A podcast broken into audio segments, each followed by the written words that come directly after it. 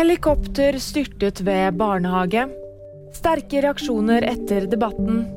Og advarer mot svindel.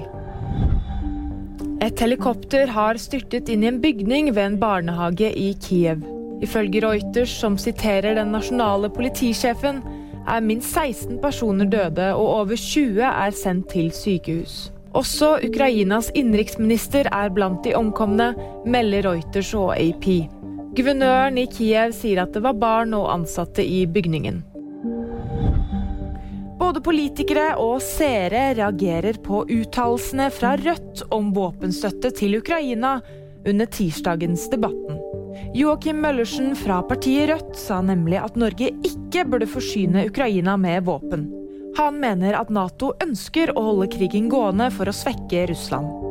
Flere har reagert på uttalelsen, bl.a. venstreleder Guri Melby og Møllersens egen partifelle Boje Ullmann. Telenor-sjef Sigve Brekke advarer mot at svindlere har funnet en ny, effektiv måte å svindle nordmenn på.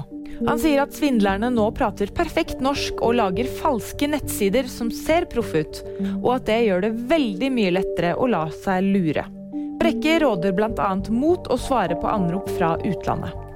Og VG-nyheter de fikk du av meg, Fride Rivø Lie.